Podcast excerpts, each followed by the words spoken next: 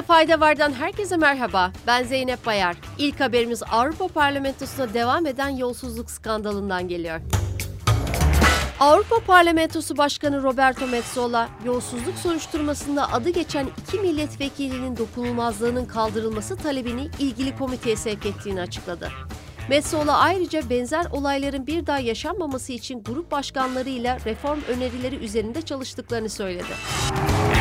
Soruşturma hakkında kısa bir bilgi vermemiz gerekirse, Belçika Federal Savcılığı 9 Aralık'ta Katar'ın birkaç aydır Avrupa Parlamentosu'nun kararlarını etkilemek amacıyla stratejik konumdaki kişilere büyük miktarda nakit para verdiği ve maddi değeri yüksek hediyeler teklif ettiği şüphesiyle soruşturma açtığını duyurmuştu. Belçika polisinin Yunan milletvekili Eva Kaili ile 5 kişinin evlerinde yaptığı aramalarda toplam 600 bin euro değerinde nakit para ve bilgisayar ekipmanının ele geçirildiği açıklanmıştı. Avrupa Parlamentosu'ndan bir diğer skandala geçiyoruz. Sosyal medya platformu Twitter'ın eski yönetiminin iç yazışmaları kamuoyu ile paylaşılmaya devam ediliyor. Yazışmalarda önde gelen biyoteknoloji firmalarının Twitter'a aşı paylaşımları ile ilgili baskı yaptığı öne sürüldü. İfşa edilen yazışmalarda BioNTech firmasının düşük maliyetli aşı talebinde bulunan aktivistlerin sansürlenmesi için Twitter yönetimini zorladığı iddia edildi. Twitter yönetiminin ise bu taleplerin ne kadarını karşıladığı henüz bilinmiyor. Ekonomi alanından bir haberle devam ediyoruz. Dünya Ekonomik Forumu toplantıları Davos'ta devam ederken CEO'lar ve ekonomistler 2023 küresel ekonomik görünümü için kötümser öngörülerde bulundu.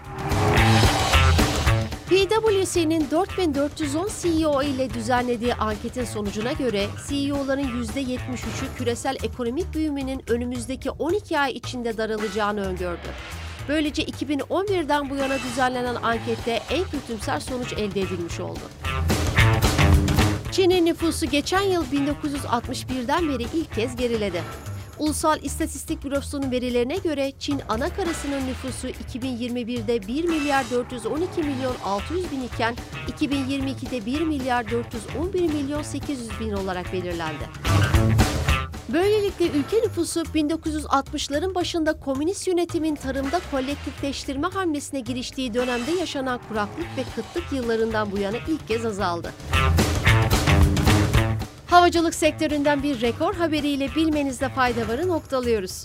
Dünyanın en büyük uçağı Stratolaunch, rekor kıran bir test uçuşunu tamamlayarak Kaliforniya'nın Mojave Çölü üzerinde 6 saat havada kaldı.